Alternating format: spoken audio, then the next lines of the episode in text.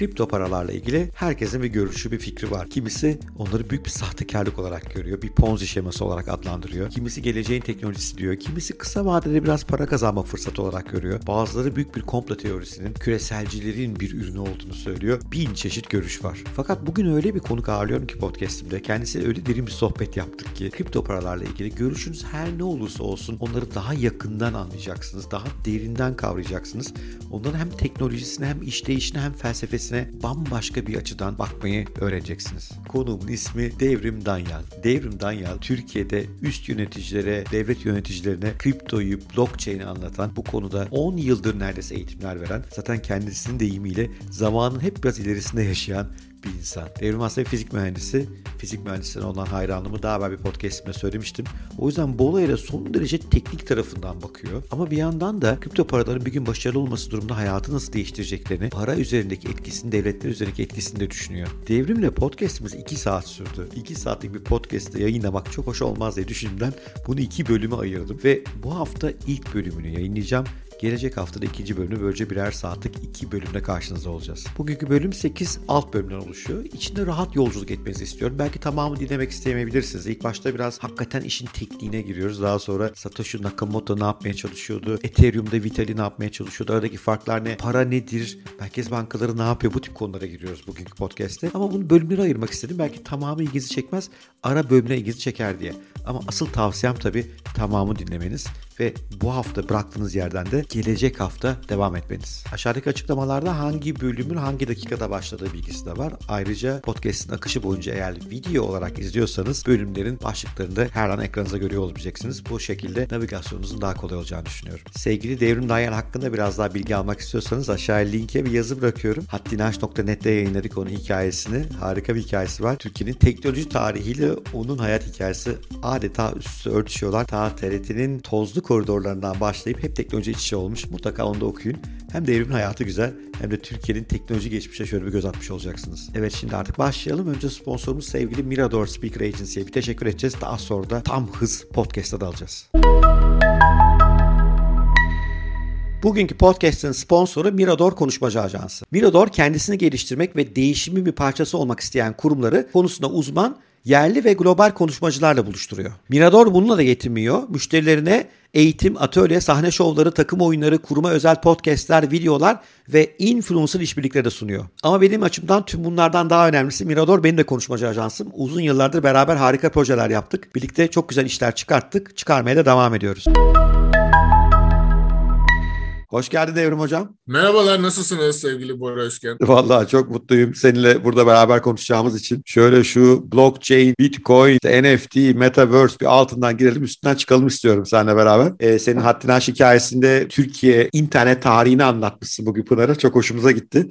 Onu zaten evet. yazılı olarak da yayınlıyoruz. Burada böyle ileriye doğru sarıp kripto parayla tanışma evrene gelmek istiyorum. Yani Satoshi Nakamoto'nun ilk white paper'ını okuyarak başladım bu işe. Kriptoyu bilen, interneti bilen, networkleri bilen bir insan insandın? Karşılaşınca neler oldu? O ilk karşılaşma nedir abi? Hatırlıyor musun o günü? Ne yaşadınız veya nasıl bir başlangıcınız oldu? Yağmurlu bir gündü. Satoshi beni aradı. Dedi ki abi dedi ben dedi böyle bir şey çıkamıyorum işin içinden gel yardım et dedi. bir dedi bir el atarsam bakalım edelim dedim. İşin esprisi bir tarafa tabii biz sevgili Satoshi Nakamoto hayatımıza girmeden önce de bu ekosistemleri işte üniversite zamandan bu yana takip ediyorduk. Arka tarafta birçok bu konuyla ilgili e, özellikle kripto para e, olarak nitelendirebileceğimiz finans düzenine e, alternatif neler kurulabilir ya da farklı bir değerlendirmeyle nasıl bunlar yol alır diye birçok proje var hayatta. Onlar e, ben hep şöyle nitelendiriyorum. İşte birisi yağı bulmuş, şekeri bulmuş, unu bulamamış. Birisi hmm. unu bulmuş, şekeri bulmuş. Yani o helvayı yapmak hiç nasip olmamış. Ta ki Satoshi Nakamoto bu e, ekosistemde en sıkıntılı olan double spending problemini yani çift harcama problemini çözene kadar.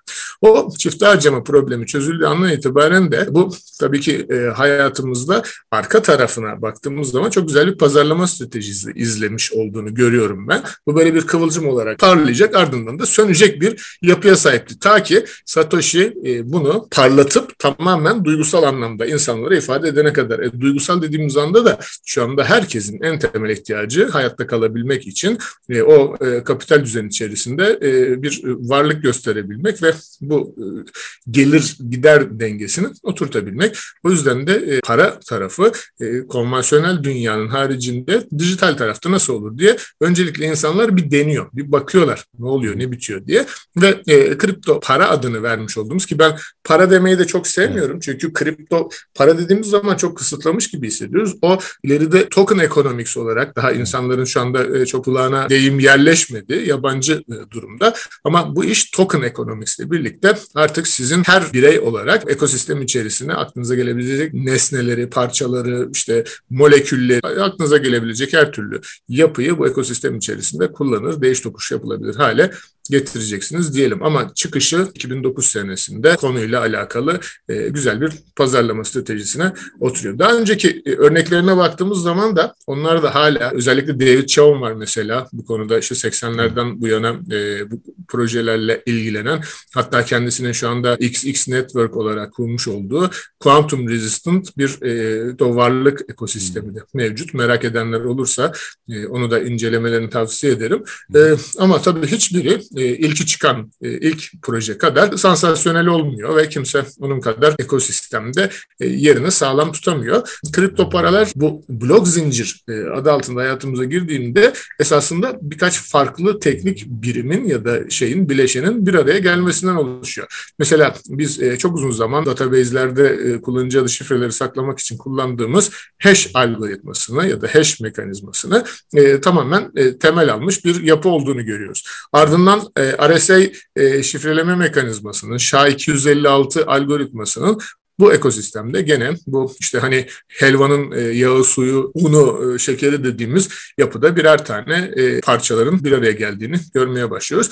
Ve özellikle bu sistem ne kadar güvenilir dediğimiz zaman SHA-256 algoritması bize 2 üzeri 256 farklı değişkene sahip bir yapı sunduğunu gösteriyor. O kadar güvenilir durumda. Hatta bununla ilgili şöyle kafalarda canlansın diye güzel bir örnek de var. 11 ülkede milli piyango yapılıyor ve 11 ülkedeki 100 milyon kişiye ben bir tanesine o biletin çıkması gibi böyle bir arka tarafta e, denk gelme, tutturma yapısı var. Şimdi bütün bunların hepsi e, birleştikten sonra da karşımıza esasında bir private key, public key dediğimiz yapı çıkıyor. Bu private key, public key de e, gene biz eski işte bilgi işlemcilerin, coderların kullanmakta olduğu e, şifrelerin gizlenmesiyle ve o iletişim teknolojisinde birbiri arasında kullanma, kullanılmasıyla alakalı kullandığımız bir yapı. Ama hiçbir kimsenin aklına aklına gelmemiş ki arkadaş bunu insanlara sanki IBAN gibi verelim ve bu IBAN gibi birbirleri arasında dolaşsın ve o çatı yapının haricinde de dijital ağlara aktardığımız andan itibaren karşımıza çıkan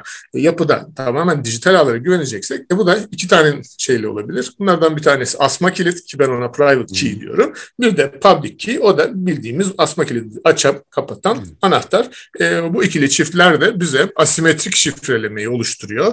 E, çok detaylarına girmeyelim burada burada ama bu temel üzerinde de hali hazırda 2009'dan günümüze kadar tıkır tıkır işleyen, kendi başına işleyen önemlisi e, bir kod bütünü var. Şimdi burada aslında Satoshi Nakamoto öncesi işte bu kripto punklar dediğimiz o kitlerin daha öncesinde daha temel kriptografi araştırmacıların hepsinin üzerine örüyor Satoshi know-how'ını ve bunları çok iyi birleştiriyor. Üzerine bunu bir işte token'a çevirip bundan bir servet yaratmayı mümkün kılıyor. 21 milyon adetle üst adedi sınırlıyor. Başka bir bence çok süper zekice bir şey yapıyor. Kendinin kim olduğunu gizliyor. E, çünkü onun kim olduğunu biliyor olsaydık o karakterle mesela ben Ethereum'da Vitali'yi sevmediğim için bir türlü ısınamıyorum gibi şeyleri de yaşıyor olacaktık veya onu sorguluyor olacaktık onun amaçlarını. O yönü de bence pazarlama şaheseri bu arada. Bana kalırsa son 15-20 yılın bir sürü Nobel'in toplaması gereken fikirle karşımıza çıkıyor. Burada getirdiği inovasyonu da bu çifte harcamayı engelleme olarak söylüyorsun. Nedir çifte harcamayı engelleme? Şu Bizantin e, meselesi nedir? Bir 5 yaşında çocuğu anlatır gibi anlatır mısın abi? Tabii ki. Ee, öncelikle birkaç terminolojik terim var. Onu da evet. açıklarsak eğer e, daha netleşir kafalarda. Eskiden bizim bakkal bakkal defteri olarak güvendiğimiz ve inandığımız bir yapı var. E, o veresiye olarak geçen ve tüm bakkal amcaların e, o mahalleyle ilgili e, tuttukları bir defter. İşte Bora'nın e, 3 lira, devrimin 5 lira borcu var diye oraya yazıyor ve siz o 3 liraya karşılık 2 lira ödediğiniz zaman üstünü çiziyor, e, 1 liraya düşürüyor. E, işte devrim 3 liralıktan mal aldıysa 5 lirayı siliyor, üstüne 8 lira. Yani tamamen bir muhasebe kaydı tutan bir bakkal amca defteri. E, bu e, zaman ilerledikçe ve artık bakkallar yavaş yavaş marketlere dönüşüp onlar da daha büyük trilyon dolarlık şirketlere gelmeye başladıkları anda karşımıza bir muhasebe yapısı çıkıyor. Bu muhasebe yapısını da biz onlara e, çatı yapılara güvenecek şekilde kendimizi teslim ediyoruz. Ve herhangi bir şekilde hani herkesin aklında canlansın diye e, bankalara götürüp de vermiş olduğumuz paranın 100 birim para verdiysek içeride 100 birim olarak durduğuna eminiz. Ancak bankada bu kayıtları tutabilmek amacıyla bunu çatı yapıda kendi bilgi işlem sistemleriyle harcama anında düşmesi gerekiyor. Ve siz bu ekosistem içerisinde bir yerde bir işte 10 lira harcadığınız zaman o 10 lirayı düşmesi lazım ki 90 lira olarak geri kalsın. Bunu 100 o lira gidip başka bir yerde bir daha harcayamayın. Çift harcama o demek olacak. Evet. evet. Ama şunu da genelde karıştırılıyor. Onun için bu 100 liradan 10 lira meselesini verdim. Esasında oradaki temel prensip 100 lirayı 100 lira olarak harcadığınız zaman tekrar o 100 lirayı harcayamamız. Ama insanların kafasında şöyle de bir yanlış algı oluyor. Onu da netleştirelim. 10 lirayı harcadıktan sonra bir 10 lira harcama hakkınız daha var. Yani 10 liradan daha e, feragat ettiği zaman banka 100 liradan 80 liraya düşmüş oluyorsunuz. Bu şekilde yani 10 tane onluk harcama hakkınız da var. Bütün bu kayıtların hepsini de artı eksi olarak tutuyor. Biz bunlara bakkal defteri modeli diyoruz ve temelde e, ledger teknoloji olarak geçiyor. Yani muhasebe kaydı olarak geçiyor. E bu çatı yapıların haricinde kitlelere yayılabilecek şekilde decentralize yani merkezi olmayan bir yapıya gelirse de bunun kendi kendine işliyor olma modeli konvansiyonel dünyada çok e, işte o bu Satoshi bu fikri bulana kadar çok aktif olarak kullanılmamış. Yani siz ne yaparsanız yapın bir de anlık olarak yapacaksınız o işlemi. Yani bugün harcadın onu 6 saat sonra e, o defteri güncelleyeyim değil. Karşımıza DLT dediğimiz Distributed Ledger Technology diye bir yapı çıkartıyor. Bu da şu demek normalde muhasebe kayıtlarına baktığımız zaman ki burada o blok zincirin getirmiş olduğu e, inovatif kısmı da orada görüyoruz. Esasında bireyin en küçük bireyden e, en büyük e, işte trilyon dolarlık firmalara gidene kadar herkes bir muhasebe kaydı oluşturuyor. İsterseniz siz bir ciklet bir ekmek alın orada oluşturduğunuz bir muhasebe kaydı. İsterseniz işte Ali Baba'nın 11 11'de yapmış olduğu en son rekor 139 milyar dolar ve ilk e, saniyesinde yani 85. saniyesinde 1 milyar dolarlık bir işlem hacmine mevcut. Şimdi bunları gerçekleştirip de orada insanların kaydını tutabilmek çok kolay işler değil ki Özellikle bunu altyapınız varsa e, merkezi olarak yapabilirsiniz. Ama altyapınız olmadan herkesin inanacağı bir şekilde bunu o dağıtık sistemde tutabilmek istiyorsanız o işlemlerin hepsini anlık yapmanız gerek.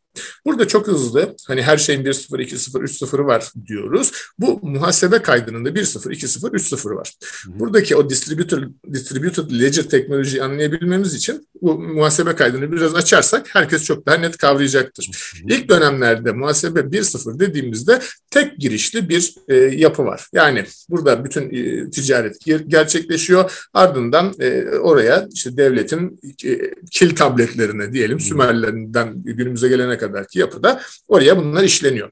Bu muhasebe kayıtları Rönesans dönemiyle birlikte 2.0'a geçiyor ve şu andaki hali hazırda kullandığımız internet bankacılığı dahil olmak üzere hali hazırdaki bu çift girişli e, muhasebe kayıtlarına ulaşıyoruz. Burada bütün bu girişlerin hepsinde iki tane bacak daha var. Yani bir işleyen taraf, bir de muhasebe ve denetçi tarafı var. Muhasebe ve denetçi orada ne yapıyor diye baktığımızda tamamen bu sürecin içerisindeki kayıtları arkadan gelerek hem işte e, kontrol ediyor. Özellikle o çatı yapıların bilançolarını, işte defterlerini ve e, mali kayıtlarını bir yerde tutuyor ve biri de bunu denetliyor.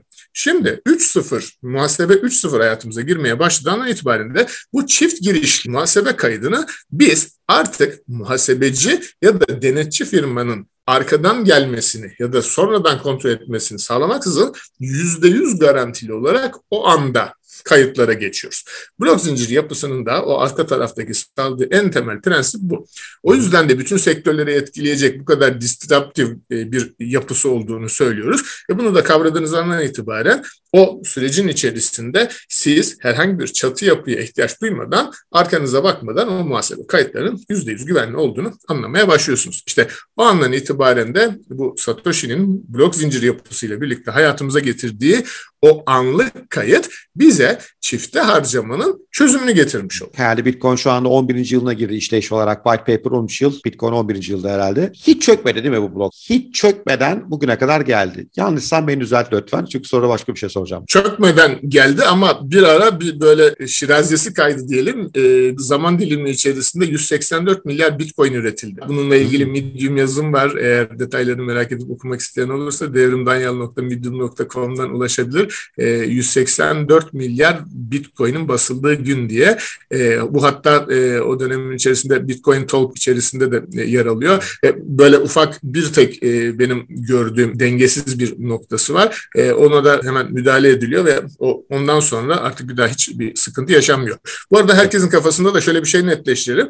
Ondan sonra yaşanan bütün sıkıntıların hepsi insani. Pazar yerlerinde yaşanıyor. Yani merkezi yapılarda yaşanıyor onlar. Bu Bitcoin'de yaşanıyor.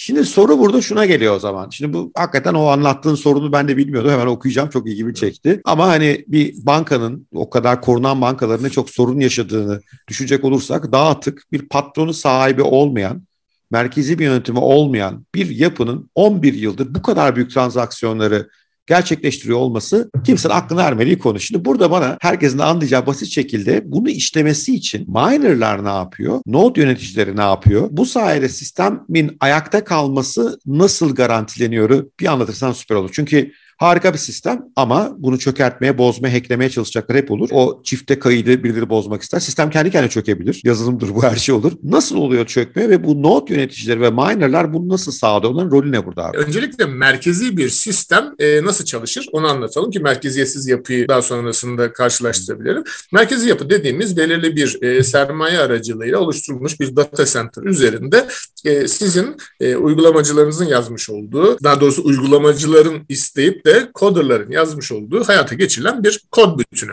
Yani bu kod bütünü tamamen e, canlı yaşayan bir organizma gibi düşünün. Yani e, sürekli güncelleniyor, sürekli iyileştiriliyor, sürekli update geçiliyor ve bu arada da hemen parantez içerisinde söyleyelim o kod hala 3 Ocak e, 2009 tarihindeki deploy edildiği kodla Core Bitcoin Core koduyla devam ediyor. Hani e, ardından bir sürü çatallanmalar, hard forklar, soft forklar e, oluyor ama e, o e, kodun üzerinde temel olarak gidiyor. Şimdi bu e, çökmelerin en temel nedenlerinden tanesi e, birinci e, yapı içeriden kötü niyet olabilir. İkincisi yanlış kurgu ya da yanlış güncelleme update olabilir. Üçüncüsü makine arızası olabilir.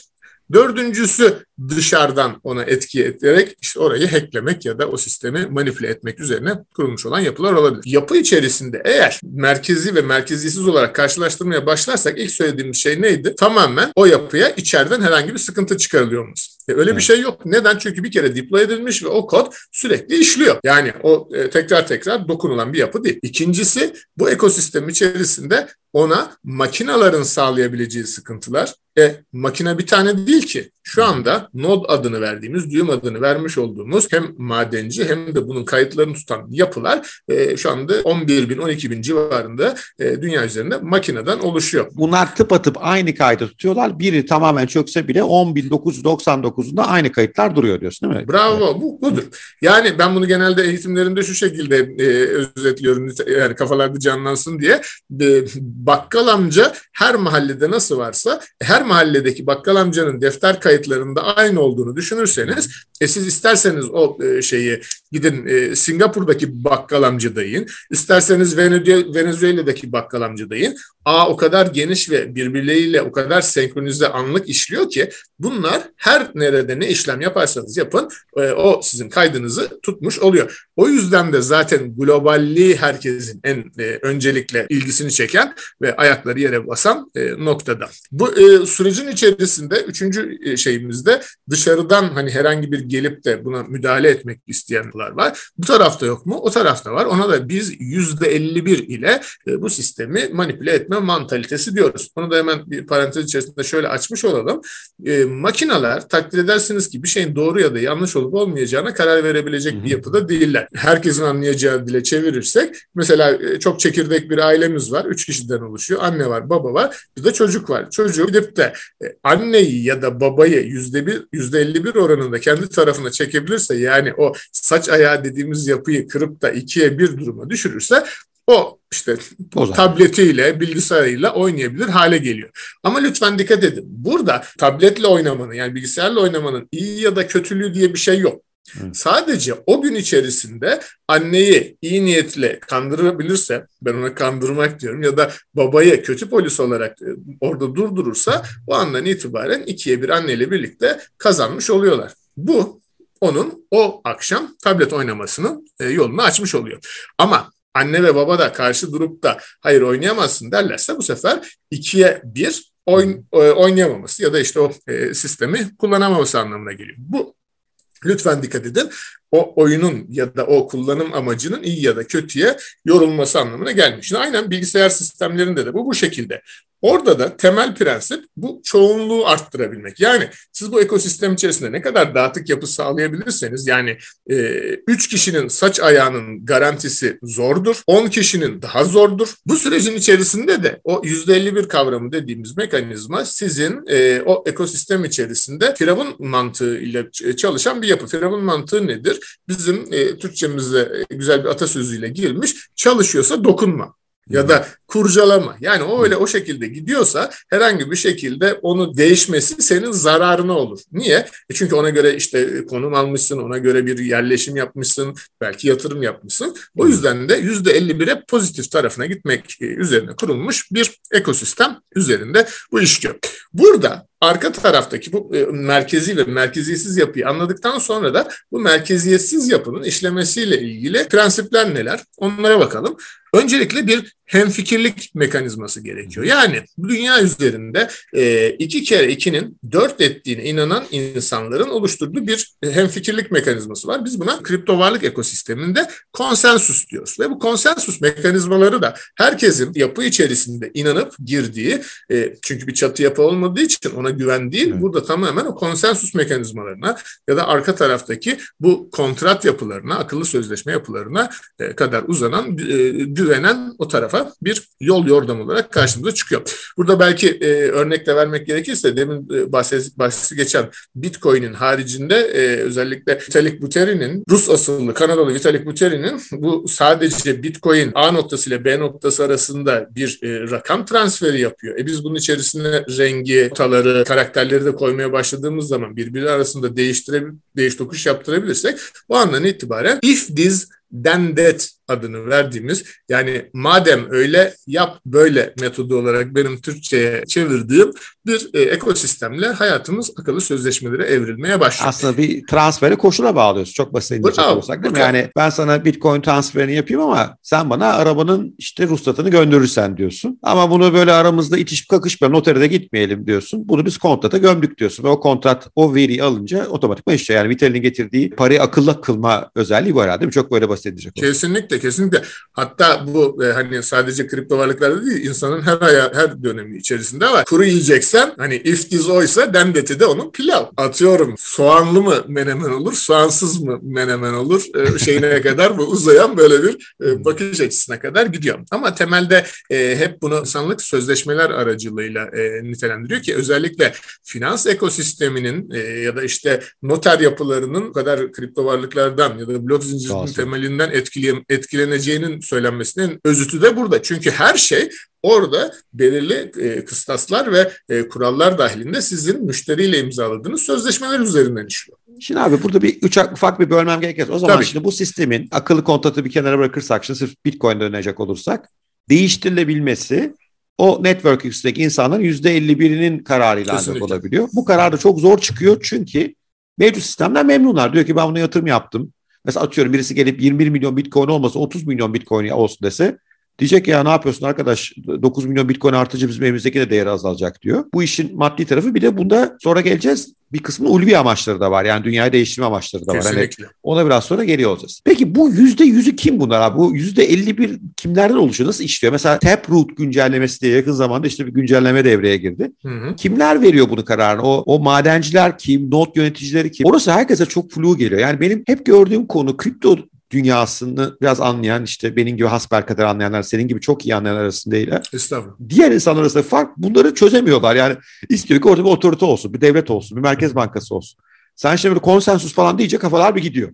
İşte orada o konsensusu kim karar veriyor? Nasıl işliyor? Pratikte mesela Taproot'un kararı nasıl verildi de bir güncelleme geldi Bitcoin'e uzun zamandır değil mi? İlk ciddi güncelleme geldi. Nasıl oluyor bu iş? Tamamen aile kararı gibi işte ya. Yani normal böyle kalabalık bir hani özellikle İtalyan aileleri, Türk aileleri böyle bir e, şeyiniz Hı. kalabalığınız varsa e, akşam yemeğinde e, genç delikanlı ya da hanım kızımız kalkar der ki biz işte Ali ile evlenmeye, işte Ayşe ile evlenmeye karar verdik. O andan itibaren böyle herkes bir şey yapar ya alkışlar ya der ki işte süper evet. olacak, şöyle olacak. E, aynen o mantalite. Yani orada yüzde 51 hani bu e, televizyon dizilerinin en e, kritik noktalarından birisi odur ya aile şeyi toplanır ve olur olmaz der. E bu da tamamen ona benzemiş oluyor. Bu sürecin içerisinde de bu matematiksel olarak ortaya konması gereken bir şey. Çünkü normal biz e, çatı yapılardaki boardlarda bunu nasıl sunuyoruz? E, işte 11 kişilik bir 10 kişilik ya da bir yönetim kurulumuz işte C-level dediğimiz CEO'su, CIO'su, CFO'su e, üstünde çalışan onların board yönetimi karar verirken diyor ki oylamaya sunuyorum. Dört kişi hayır diyor, altı kişi evet diyor. E bitiyor. Bir oy hakkı var gibi düşünün. Bunu fan tokenlardan anlatabiliriz. Hani normalde gidip bir fan token aldığınız zaman e, esasında kulübe gidip normal fiziksel delege olmaktan, üye olmaktan bir fark yok. Orada da ne yapıyorsunuz? Diyorlar ki şu tarihte işte seçim yapacağız. Gel oyunu at. E, ondan sonra da çık. E, burada da herkes benzer şekilde kendiyle ilgili oyunu vermiş oluyor ve artısına eksisine bakılarak bu e, zaten e, söylenen şey de onların ortaya atmış olduğu bir fikir olduğu için genelde kabul görülebilecek şeyleri söylüyorlar. Temeldeki farklılıklar mesela ilk e, en önemli olan e, bence e, Segwit tarafında işte e, bu blokların boyutunun büyütülmesi, hmm. sonra taproot mantalitesi falan e, detaylarına çok girmeyeyim ama e, arka tarafta işin e, o karar mekanizması o e, ekosistemde şu anda kim isterse bu arada onun e, e, hakkında da böyle bir elinde de böyle bir hak olabilme imkanı var. Yani dağıtık yapı dediğimiz andan itibaren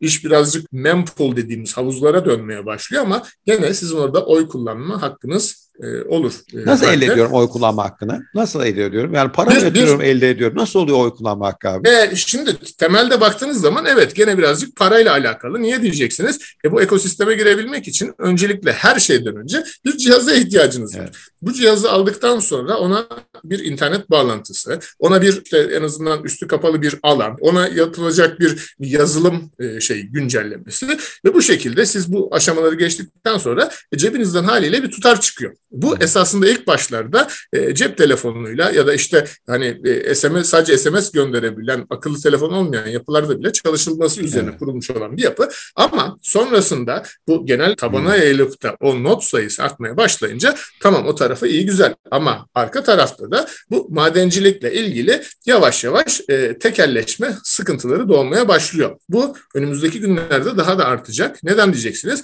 Satoshi Nakamoto'nun çıkarmış olduğu Proof of Work konsepti esasında bizim çalışma ispatı dediğimiz, iş ispatı dediğimiz bir yapı. O da şuna denk geliyor. Gene kafalarda canlandıralım şu şekilde. İlk çağlarda takas döneminde herkes bu süreçte yapmış olduğu iş için bir e, emek harcıyor. Eşit emek kriteri adında bir olgu, bir yapı çıkıyor. Bu ne demek? Benim bir e, ineğim var, sizin de bir tavuğunuz var ve ikimizin de 24 saatlik bir zaman dilimi olduğunu düşünelim. Bu inek ve tavuğu da üretim tesisi gibi düşünelim. Benim ineğim 24 saat içerisinde 1 litre süt verirken sizin ineğinizin e, işte atıyorum 5 tane yumurta vermesi, 10 tane yumurta veriyor olması demek sizin o 24 saat içerisinde üretim tesisi olarak elinizde bulunan değeri gösteriyor. Ve bu sizin o ekosistem içerisindeki yarattığınız yani iş yaptığınıza dair bir gösterge olarak ya da bir işte maden ocağında çalışıyorsanız e, işte kazmayla e, aldığınız şeyler e, ne diyelim ona toprak parçaları sizin o günlük yapmış olduğunuz işi gösteriyor. Ona karşı e, peki, alıyorum ona karşı paramı kazanıyorum. Bravo. Bravo. Ya da işte atıyorum ne kadar simit açtıysanız, ne kadar ekmek yaptıysanız, ne, ne kadar harç kazdıysanız bütün bunların hepsi bir emek olarak veriliyor. E peki bunu dijital ağlarda çatı yapı olmadan, kimsenin karar mekanizmasına bağlı kalmadan, herkesin e, eşit miktarda imkan sağlay- sağlandığında onu gösterebilecek yapısı ne olacak? E, dijital ağlar tarafında elektrik. O, oradan da birazcık o konuya Yumurta yerine elektrik koy diyorsun basitçe yani. Ne kadar evet. elektrik harcadın? Kaç yumurta evet. ürettin? Kaç elektrik harcadın? Bunun karşılığında da tabii ki ilk başlardaki o süreç günümüze geldiğimizde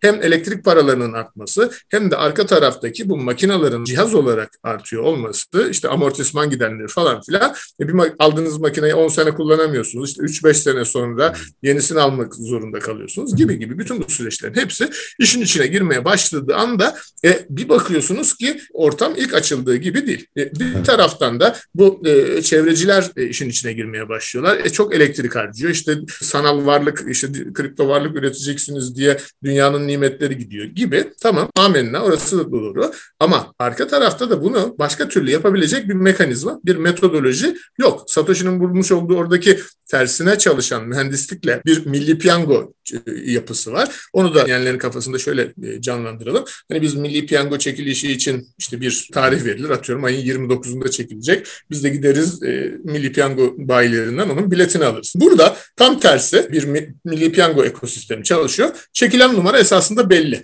Ve bu çekilen numaraya siz e, bir bilet almak yerine sürekli sorgu gönderiyorsunuz ve o sorgunun içerisinde de karşınızda e, bulunan makine size cevap veriyor. Yani ben e, Bitcoin'in o anki o 10 dakikası içerisinde çıkacak olan Milli Piyango biletinin ne, olduğunu, ne olduğunu biliyorum rakamını.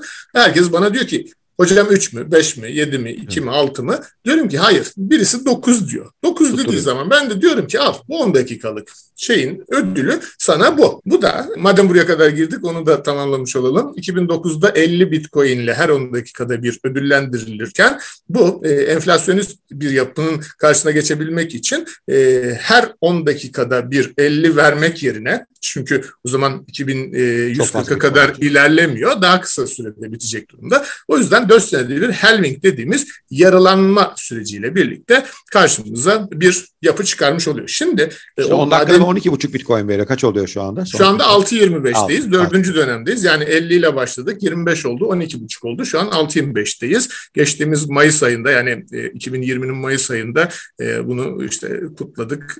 Halving oldu dedik. Ardından da işte 4 sene sonra bu 3,125'e düşecek. Şimdi arka tarafta matematiğini yapanlar da şu şekilde bir noktaya geliyorlar. E ben ilk başta aynı makina hatta daha ucuz bir makinayla daha ucuz evet. elektrik parasıyla bunu üretiyordum ve 50 tane Bitcoin alıyordum. Ama orada da hikaye şu. E siz onu ürettiğiniz zaman da o zaman 50 Bitcoin'in değeri yoktu. Ama şu anda 6.25 aldığınız zaman e, şu anda işte 700 bin lira civarında diye düşünürseniz e, baktığınızda karşınızda çok ciddi anlamda eğer o ödülü kazanırsanız miktar geliyor. Burada da yol şuna ayrılmaya başlıyor. Hı hı. Ben makine olarak buraya girmeye başladım.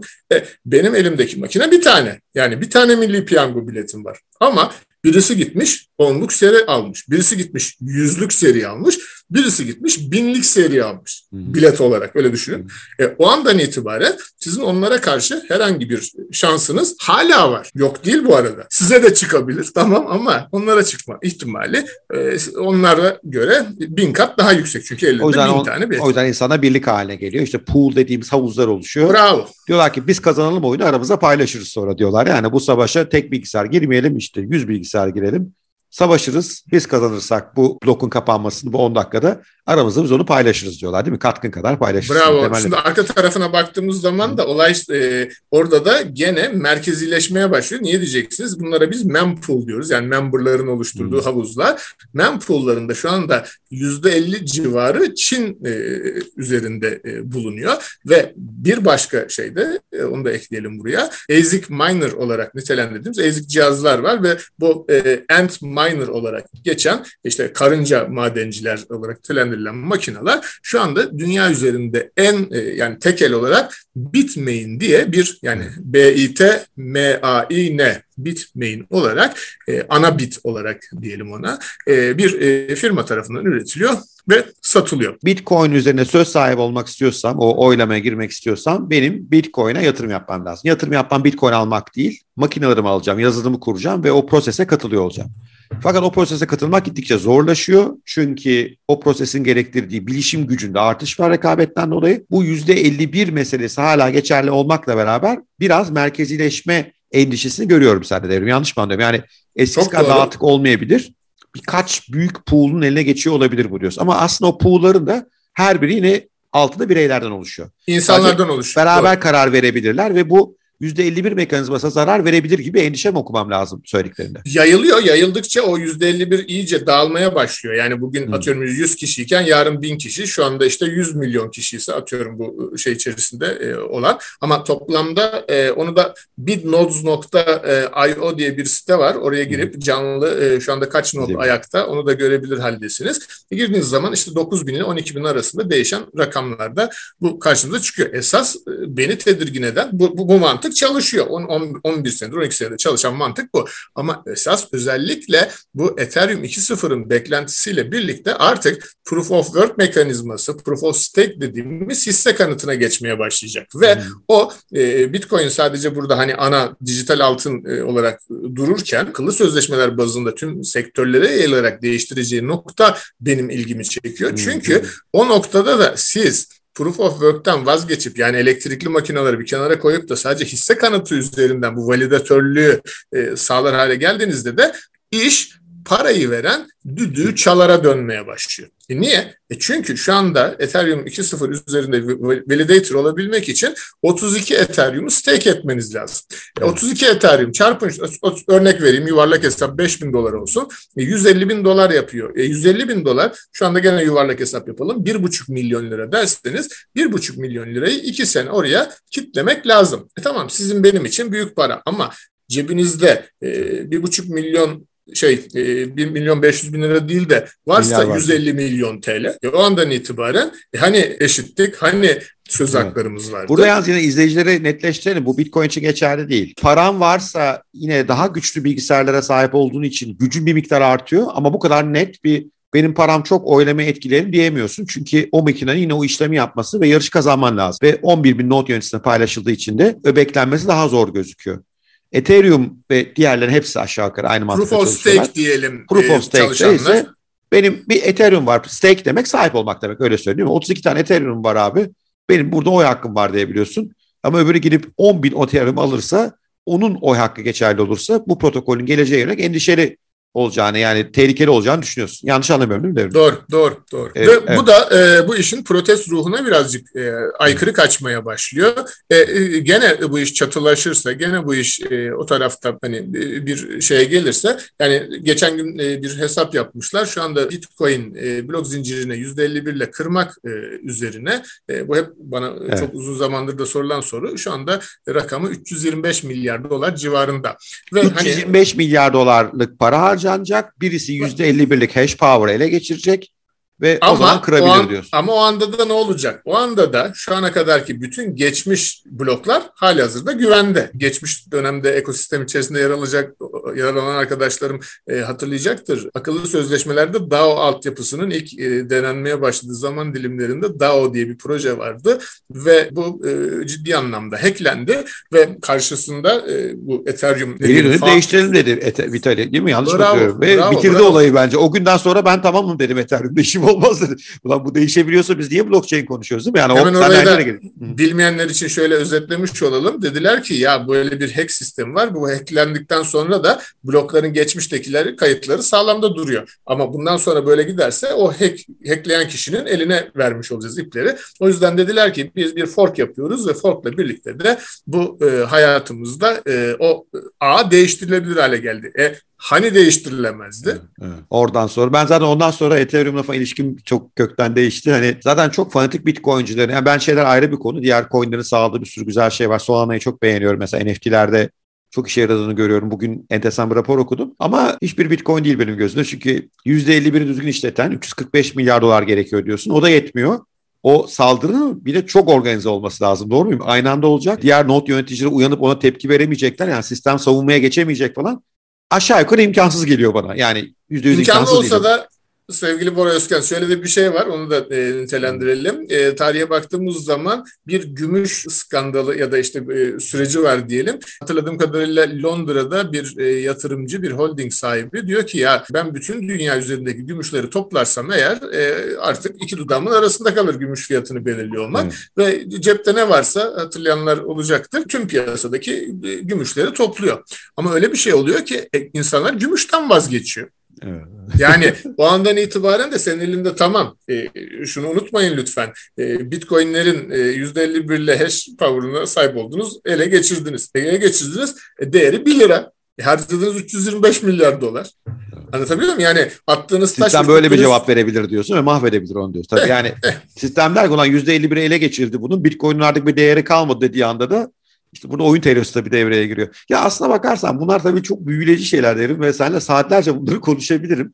Fakat şu anda bile tek izleyici açısından epey teknik bir yerlere gittik. Daha canım istiyor. Sormak istediğim çok şey var ama bir şöyle bir yüzeye çıkalım tekrar. Tamam hadi bakalım. Çünkü zaten sıkıntı burada biraz oluyor galiba. Normal insanlar yani sıradan bir insanın bunları anlaması zor olduğu için olay ya şeye dönüyor. Buna işte şeytan icadı diyor. Karşı çıkıyor. Bunun arkası yok diyor ya da gidiyor iki tane fenomen dinliyor. Abi şu coin'e para varmış ona girelim diyor. Hani özünü anlamıyor. Ben hakikaten e, mühendis olmadığım için çok zorlanıyorum bazı yerlerde. Ama hep söylüyorum bir e, 150-200 sayfalık okuma gerektiriyor Bitcoin ilk anlaması yani. Ki biz seninle şu an teknik bölümü konuştuk. Ben esas şimdi biraz bunun dünya üzerindeki etkisini konuşalım istedim. Tabii.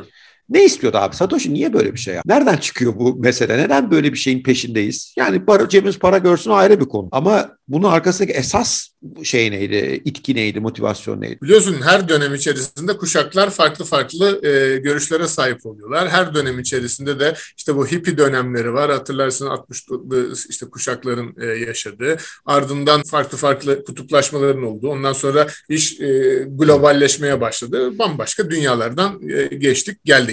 Bu sürecin içerisinde de Cyberpunk diye e, bir grup var ve diyor ki özellikle çıktıkları nokta bizim çatı yapılara ihtiyacımız olmadan çünkü çatı yapılar bizim hem işte bu KVKK, GDPR olarak hmm. adlandırılan e, bizim ürettiğimiz dataları bizim haricimizde kullanıyorlar. Artık bizim e, cebimize e, herhangi bir para girmeden onlar bunu ticari olarak e, kullanımdalar. E, bizim iznimizi almıyorlar gibi e, böyle bir mottoyla yola çıkıyorlar. Ardından da bu e, çatı yapının her türlü e, noktada değişmesi gerektiği ve tabii bunun da finansal altyapıyı değiştirmeden mümkün olamayacağı gündeme geliyor. Ve o andan itibaren de bütün bu e, süreçlerin içerisinde tartışılmaya başlıyor. E, farklı farklı tabii ki gene e, bu multidisipliner Çatı bir yapı dediğimizde belli olsun. Amerikan Merkez Bankası, IMF yani Dünya Bankası, Türk Merkez Bankası yani merkezden senin kontrolün dışında karar verebilen, para üzerine karar e, egzersiz edebilen bunu da işte son 2-3 gündür Türkiye'de yaşadığımız gibi türden seni tamamen bir anda fakirleştirebilen, paranı senden alıp başkasına enflasyon yoluyla aktaran e, düzene değil mi? İsyan bu aslında. Yani bu yeter artık diyorlar. E, işin parasal tarafı bu en azından senin müdahale edebileceğin hani dersin ki ya burada bir şey bir yangın var burayı söndüreyim deyip oradan atıyorum işte bir battaniye alırsın üstünü kapamaya çalışırsın ya da işte su alırsın dökmeye çalışırsın gibi buna senin e, müdahale edemediğin bir yapı içerisinde sen onunla beraber o güruhla beraber bu sürecin içerisinde yer alıyorsun artı ya da eksi.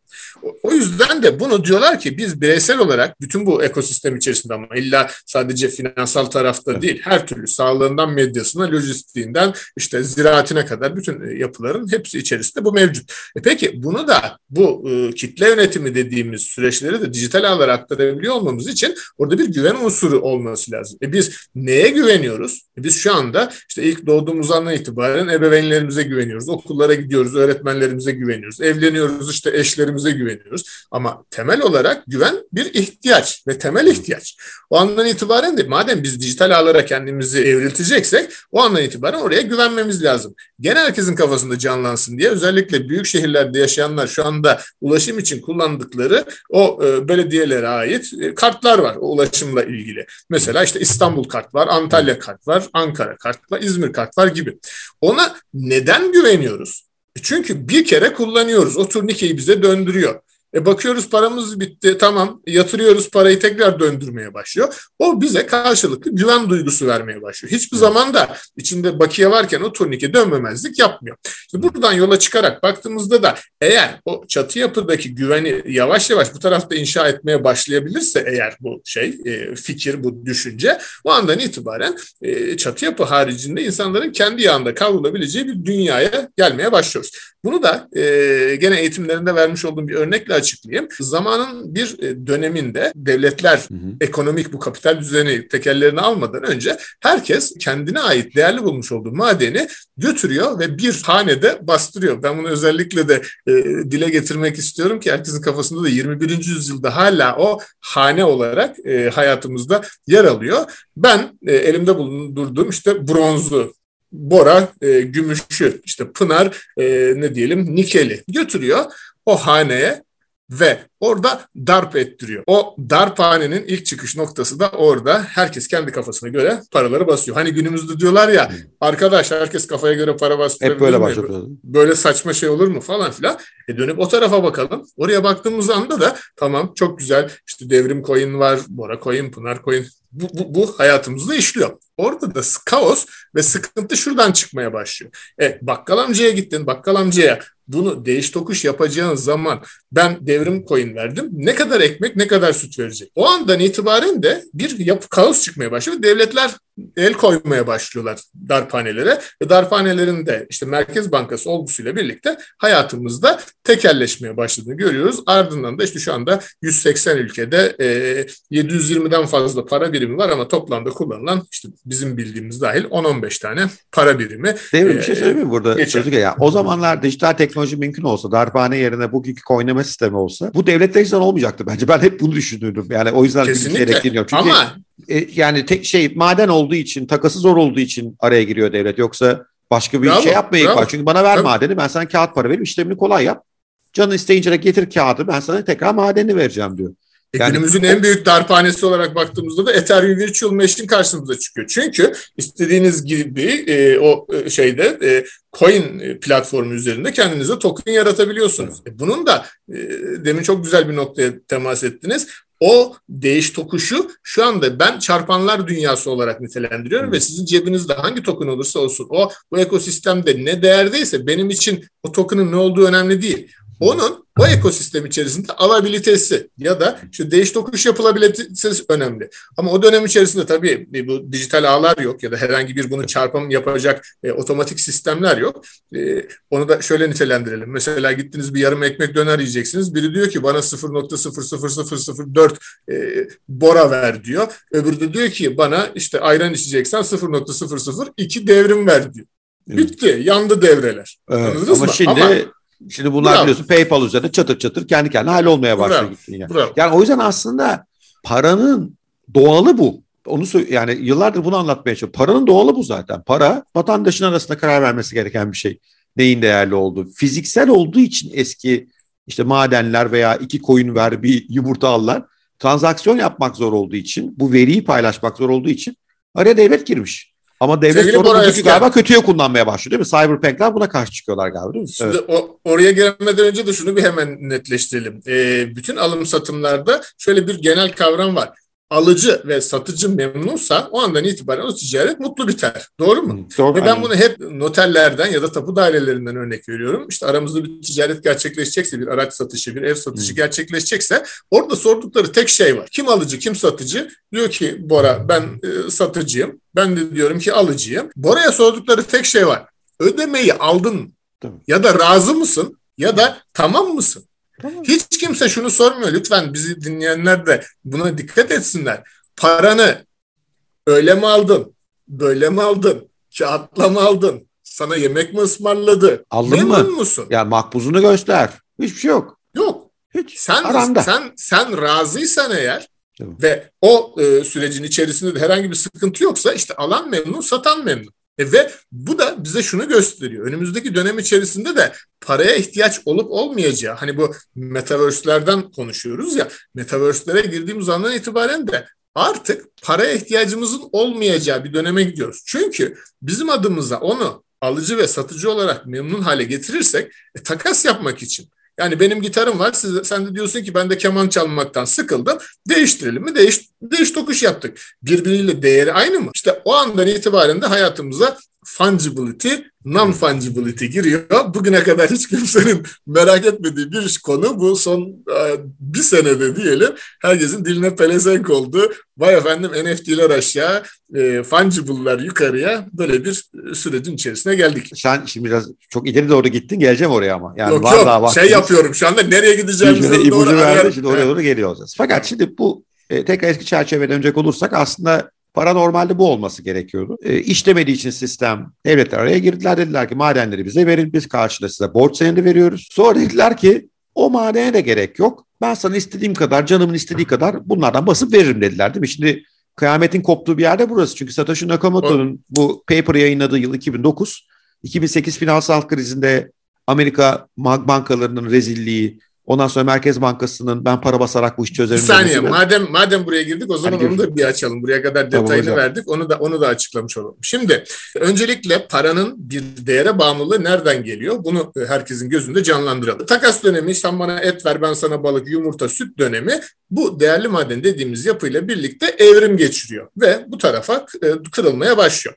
Ardından da o dönemi içerisinde işte altınlar, gümüşler, bronzlar değer haline gelmeye başlıyor ve elle tutulduğu andan itibaren bir ağırlığı olmaya başladığı için bu sen bakkal amcaya gittin kesenden iki altın çıkardın verdin ekmek sütü verdi sana. Onda sıkıntı yok ama büyük iş adamısın ve e, işte atıyorum dönümlerce arazi alacaksın ya da işte hayvancılık yapacaksın 500 inek 2000 tane tavuk alacaksın. E ne yapacaksın? Sırtına, külçe, sırtına külçelerle altın alıp onu nasıl ödeyeceksin o tarihte hayatımızda ilk defa gördüğümüz bir yöntem giriyor ki şu andaki bu kripto varlıkları NFT'lerin de en temelini oluşturan e, yapı.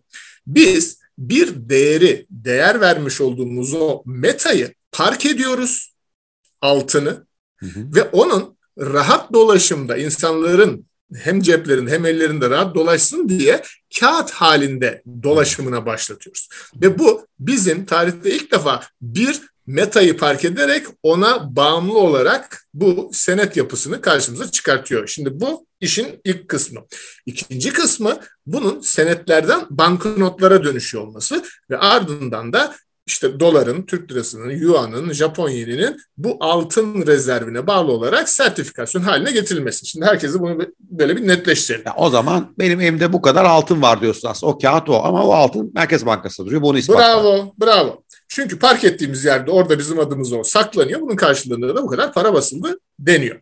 Şimdi 1914'e kadar bu bu şekilde ilerliyor. Herhangi bir sıkıntı yok. 1914'te FED kuruluyor. Amerikan Merkez Bankası ve diyor ki bu bu şekilde sürdürülebilir bir yapı değil. O yüzden de biz bu oranı yüzde 40'a düşürüyoruz diyor. Hmm. Yani 100 dolarlık bir banknot basabilmek için 40 dolarlık rezerv yeter diyor ve bu şekilde bir süre devam ediyor. O da ta ki 1944'e kadar 1944'te de işte Dünya Savaşı'ndan e, herkesin cebinde para bitmiş bütün e, ülkeler e, mağdur durumda. Amerika Birleşik Devletleri New Hampshire eyaletinin Bretton Woods kasabasına davet ediyor hepsini. Bir sahil kasabası. Ya, tarih önemli. önemli. Savaş bitmemiş durumda henüz. Bunun üzerine dur çünkü çok kritik nokta diye söylüyorum. Kusura bakma devam et lütfen. Evet, estağfurullah, estağfurullah. Oraya o, e, toplanan devlet başkanlığına diyor ki elinizdeki bütün altınları bana yollarsanız yolladığınız andan itibaren ben de size onsu 35 dolardan bunu fonlayacağım ve parasını vereceğim. Onda, o andan itibaren de şu anda e, arattığınız zaman da bakacaksınız dünya üzerindeki en büyük altın rezervi e, yanlış hatırlıyor olabilirim ama bir rakam yani ortalama söyleyeyim 277 ton altın mesela Amerika Birleşik Devletleri'nin hazinesinde duruyor. Ondan sonra gelen ikinci devletin ise işte atıyorum 68 ton. Yani arada bu öyle bir makas aralığı olan bir yapı gelmeye başlıyor. Bu dönemin içerisinde de e, herkesten almış olduğu altın karşılığında e, herkese dolar verdiği için dolar bir nevi rezerv para olarak da kullanılmaya başlıyor ve o dönemden sonra altın e, hegemonyası hayatımıza giriyor. Ta ki 1971'e kadar 1971'de de keseceğim devrim yaz. Orada ben, ben şöyle bir şey görüyorum da senin de fikrini merak ediyorum. Tabii. 44'te bence bunu yaparken Betty Woods kayıtlarını görmüyoruz ama bir yandan da şunu söylüyor. Bunu kabul etmezseniz sizi kurtarmam da diyor. Yani ben ben bunun içerisinde çünkü başka türlü olacak iş değil. Yani altını yolluyorsun sonra geri istiyorsun vermiyor biliyorsun. Hani e, öyle giden de geri gelmiyor yani. Altını veriyorsun evet. sana kağıdı eline tutuşturuyorlar. Çünkü bence orada Avrupa'nın şeyine çöküyor. Diyor ki gelirim kurtarırım. Çünkü biliyorsun 44'e kadar doğru savaşa girmiyor zaten. Yani bir şey yaptı yok takılıyor. 44'te başlıyor büyük hikaye. Ondan sonra bir yaz sürüyor yani. işte şeyden çıkıyor Normandiya'dan değil mi? Almanya var nasıl bir sene hallediyorlar. Şimdi bir sene sürmüyor 6-7 ayda bitiyor ve e, korkunç bombalıyor Almanya'yı, Dresden'i falan biliyorsunuz yerin dibine gömüyor yani. O, katliam yapıyor. Ben burayı dümdüz edeceğim. Öbür tarafta Ruslar zaten canları çıkmış zavallılar. Almanları yeneceğiz diye. Bunlar bir anda çöküyorlar oraya. Ve bence temelde altına çökmüş olay. Yani 44'te konuşulan şey rezerv para beni kabul ediyorsanız ben gelirim diyor. Yani kim yani hangi Amerikalı bunu düşünmüşse bu arada korkunç zeki bir kadro var yani diyecek hiçbir şey yok. Yani savaşa girerim ama rezerv para benim olacak. Çünkü ondan sonra istediğim kadar basacağım. Sonra da zaten değil mi? Müthiş Amerikan rüyası başlıyor. Yani anormal bir zenginleşme başlıyor Amerika'da. İşte 80'lere 90'lara. Kusura bakma kestim. Estağfurullah. Ee, çok, çok güzel bir e, noktaya getirdin. Esas park ettiğimiz şeyin değer olarak değeri burada var ama diğerleri o hani kağıt parçası olarak nitelendirilen insanın e, hamurdan ürettiği bir e, kağıt nesnesinin dolaşımından öte. Çünkü ana varlık hala burada duruyor. Evet, yani evet. bugün desek ki altına e, hani e, en güvenli liman olarak baktığımız zaman şu anda en hani zengin olarak gördüğümüz yapı e, gene buradaki o tonlarca altının e, bulunuyor olması. Peki bu süreç e, ta, tarihe çok meraklı olanlar o tarafları okusunlar çünkü gerçekten orada bu kırılımla ilgili e, güzel süreçler var. E, hızlandırıyorum. 1971'e gelindiğinde de Nixon, Başkan Nixon diyor ki tak sepeti koluna herkes kendi yoluna. Bunu İngilizce nasıl diyor bilmiyorum ama. yani bence şey diyor fuck yourself diyor yani bana kalırsa ya. Bitti evet. Aşkımız buraya kadar diyor. Artık dolarla diyor e, şeyin e, altının alakasını kesiyoruz ve ben istediğim kadar dolar basarım diyor ve geçtiğimiz pandemi döneminin Mart ayında yani 2020'de o tarihe kadar basılmış en yüksek miktar 4,5 trilyon dolarlık basılmış oluyor. Şimdi e, günümüze birazcık flash forward, flashback şey e, yaparsak karşımızda bir Tether davası var. Gene ekosistem içerisindekiler bilecektir.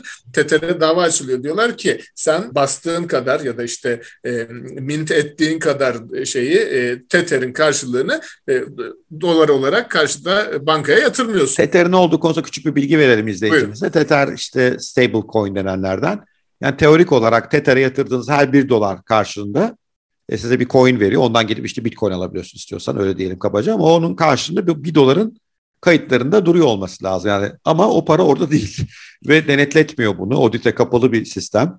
Ee, işte Bitfinex'le falan da karman çorman ilişkiler var. Ben oradan çok endişeliyim bu arada. Yani bir başımıza bir iş çıkacak. Neye göre basıyor o Tether'ları belli. Yani aslında Amerikan Merkez Bankası ne yapıyorsa Tether'da kriptonun olsun yapıyor diye okuyabiliriz. Yani büyüklüğünü etkisini okumak zor ama ben endişeliyim. Eminim senin de aklından zaman zaman bu Tether işi ne olacak geçiyordur yani. Devlet e, işte e, buna e, bir Çökersin. mahkeme kararıyla herhangi bir şey yapmaya kalktığı zaman da en son mahkemesi oldu işte. Mahkemede de, de, de ortaya şu çıktı. Ya dolar dediğin şeyin zaten karşılığı ne kadar ki falan filan. O da öyle bir hatta bugüne kadar ki mahkemeye de iki buçuk milyondan fazla kayıt sundular. O da e, TT'nin blok, duruyor şu anda değil mi? Blok zincir bu... kayıtlarını. Ya blok zincir ne? O kayıtları nasıl okuyacaksın? Arka taraftaki o anonimus şeyleri nasıl e, ortaya çıkaracaksın? Valla bana şey gibi ya tam dinsizin hakkında imansız gelir gel. Ya sen sahte para basıyorsan ben de burada bunu basıyorum. Çık işin içinden Sevgili Bora Özken aynen büyük ihtimalle hakim de aynısını dedi ki 24 milyon dolara dedi tamam sana de, hadi devam et dedi 24 milyon dolara dediler ki yani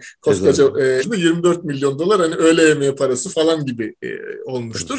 Evet. E, bu para verildikten sonra da e, o Tether davası şu anda kapandı. Ama bütün bunların hepsi arka tarafta hani belki her zaman söylememiz lazım. Bunların hiçbiri yatırım tavsiyesi değil. Hep aramızda konuşuyoruz. Hikaye de buradan çıkıyor. Çünkü bütün bunları söylediğiniz andan itibaren insanlar meraklanıyor. Diyorlar ki ha işte Tether var. Aa işte şu var, bu var. Bunu dediler. Bütün bunların hepsinin ayaklarının yere basmadığını lütfen bütün herkes şu anda e, en başından en sonuna kadar dinleyenler lütfen bu şekilde algılasınlar. Çünkü hani burada şöyle oldu da ondan sonra bu e, para düştü işte Orta Doğu'da kriz çıktı da öyle oldu. Amerikan başkanı bunu dedi de petrol indi çıktı gibi bir şey değil. Neden? Çünkü tam, tamamen matematiksel bir ekosistem üzerinde kurulmuş ve e, eğer bir sınırı ya da şey yoksa e, Bitcoin gibi bir hani böyle bir düzeneği yoksa o andan itibaren tamamen bu iş e, ayakları yere basmayan bir sistem üzerinde ilerliyor hale geliyor. E, bu da e, o deminki e, yapı içerisinde şimdi e, Amerika Birleşik Devletleri'nin Coinbase ile birlikte USDC adını vermiş olduğumuz yeni bir e, stabil kripto parasını hayata alternatifi diyelim. getirmeye çalışıyor. E, şimdi arka tarafta da tabii bunların hepsi kabaca e, ekonomiden ya da finanstan anlayan arkadaşlar için de e, eğer bu ekosistemi uzaklarsa şöyle söyleyeyim. Siz burada hiç olmayan bir varlığa hani demin dedik ya altını park ediyorsun karşında bir kağıt parçası alıyorsun diye. E buradaki sen e, halihazırdaki fiyat para olarak geçen yapıyı da bu tarafa yolluyorsun ve burada kağıt parçasının hani el, kağıt parçası en azından elinde tuttuğun bir şey. Hani dersin ki ya bende bu var. Bu tarafta öyle bir şey de yok. Ve temelinde girdiğiniz zaman pariteler üzerinde çalışan bir yapı. Ve o pariteler de şu. Hani yazıyoruz ya bugün işte www, x, y, z, a, b, c neyse. Ve o bugün var. E yarın yoksa e bitti. Benim elimde bir e, para var onu tutuyorum. Ama bu sizin erişebileceğiniz bir noktada da bir şey. Her şeyi geçtim. Arka taraftaki çalışma prensipleri onlar bunlar. Bütün bunların lütfen farkında olun ve her şey insanlık için deneyin, bakın, elinize o sobaya değdirin sıcak mı soğuk mu fark edin. Ama lütfen arka tarafının alt tarafının boş olduğunu unutmayın. Bunu Bitcoin için söyler misin yoksa bunu daha ziyade diğer coinler için mi söylüyorsun? Burayı Bit- iyi anlamak. Bitcoin için söylemem. Bitcoin çünkü bu işin ekosistemini ortaya çıkartan yapı. Yani hepsi tozla buz olsa ilk bu işin çıktığı nokta e, Bitcoin ve Bitcoin'in bize e, finansal ekosistemin haricinde bir de e, store of value özelliğini getirmesi çok önemli. Yani değer saklama aracı. Siz buna şu anda para dediğiniz için bu bir e, değer elde ediyor ve onu da gene şöyle kabaca e, ifade etmiş olalım. Şu anda birisi onu işte 700 bin liraya satmaya razı olduğu için değeri o. Evet. Ama şu anda elinde tutmuş olan işte 19 milyona yaklaşan bir bitcoin üretildi. Evet. Bundan sonra önümüzdeki 120 senede sadece 2 milyon bitcoin üretilecek. Bu da bizim karşımıza fear of missing out dediğimiz FOMO'yu getiriyor. Neden? Evet. E çünkü 19 milyon üretildikten sonra sen bu ekosistemde tamamen o 19 milyonun sahip olduğu kesmin iki dudağının arasındasın. Yani onlar dese ki en taban o floor price dediğimiz hani taban fiyat olarak 1 milyonun aşağı satmıyoruz arkadaşlar tamam mı evet. desek e, Bitcoin'in fiyatı 1 milyon dolar. Talepte varsa böyle olacak ki zaten gidişat olarak da şöyle bir yapı var. Bu 19 milyonun zaten 2-3 milyonu kayıp galiba.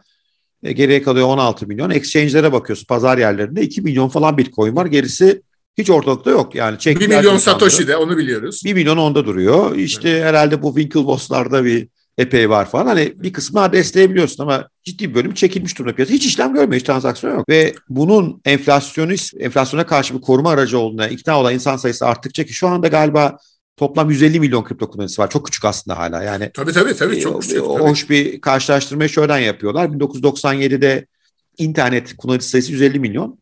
Onun 2006'da ancak 1 milyarı buluyor. Yani yıllık %30 büyüyor. Bitcoin yani kripto daha doğrusu %80 büyüyor yıllık. 2024-25 gibi 1 milyara geleceğiz diyor. Şimdi işte sen de eminim hakimsin. Metcalfe yasası, network değeri yasası vesaire. Yani oradan bakacak olduğumuz zaman da Bitcoin'in değerli olduğuna bu kitle inandığı sürece ve o büyük Bitcoin sahipleri bunu aniden sert satmadığı sürece bunun yukarı doğru gitmesi matematik kuralı gereği. Çünkü gittikçe kıtlaşıyor, olan piyasaya girmiyor vesaire. Hani Sevgili yüzden... Bora Özkent onu da şu şekilde zaten çok net bir ayrımla görüyoruz. Bitcoin var, altcoin'ler var. Evet, evet. Yani o zaten kendini literatürde de artık e, belli eder ve ön planı çıkartır hale gelmiş durumda. Bu arada girip çıkanlar var. Hani bu 10 binden fazla e, kripto e, varlık var dediğimiz yapı demin anlattığımız tarihteki işte Bora gitti devrim gitti kendi parasını tokenını çıkardığı hikayeyle aynı. Herkes kafasına göre bir şey çıkartabilir. Çıkarmakta da hani e, şey yok e, bir sınır yok ve benim fikrim akıl akıldan üstündür. Hepinizden daha zekice olursa o öne geçer. Başka Ali'ninki işte John'unki Michael'ınki farklıysa o öne geçer hale geliyor. Burada esas önemli olan arka taraftaki bakmamız gereken şey şu. Geçtiğimizde Squid Games'in token'ı çıktı dediler. Evet. Bir günde 2 milyar dolardan fazla Indira Gandhi ve ondan sonra şimdi bakın. Ne dediler bundan, biliyorsun değil mi? Mesajlar depresyona girdik biz diye çekiliyoruz dediler gittiler abi. Ama şimdi ben ben bu arada baktım ben Squid Game o dönemde. Yani müthiş bir coin'du. Çünkü oyun oynuyorsun biliyorsun yani. Coin'i alıp oyuna katılıyorsun. Şimdi yanlış hatırlamıyorsam Squid Game filmi 420 kişi katılıyordu oyuna. 400 işte 19 ölüyor bir kişi kalıyor. Bunda da kural öyle dediler. Yani 419'uz batacak zaten dediler. Bir kişiye kalacak para. Ona da bırakmadılar. Onu da kendileri Zaten Ve, baştan belli diye yapacaklar herifler. Se- sevgili Bora Özken, yarın çıksa yarın 5 milyar yatacak. Bakın size hani evet, bu evet. şeyimi de hani oradaki tereddüt ya da şeyimi e, algımda anlatmaya çalışıyorum. Yani bu hani tamam diyoruz ki yatırım tavsiyesi değildir öyle yapalım. Yani ne yapalım? Gidelim merkezi sarsalım mı? Gir, yani yapma arkadaş, etme arkadaş mı diyelim? Ne yapalım? Onu da bilemiyorum. Bahsi alıp değerleniyor. Ondan sonra kızıyorlar sen niye bana alma dedin diye değil mi? Ben mesela hat bu holoya çok sinirleniyordum. Bu ne saçma şey diyordum. Bak şimdi geldiği yere bak şimdi diyorlar bana tepeme biniyor hocam holo.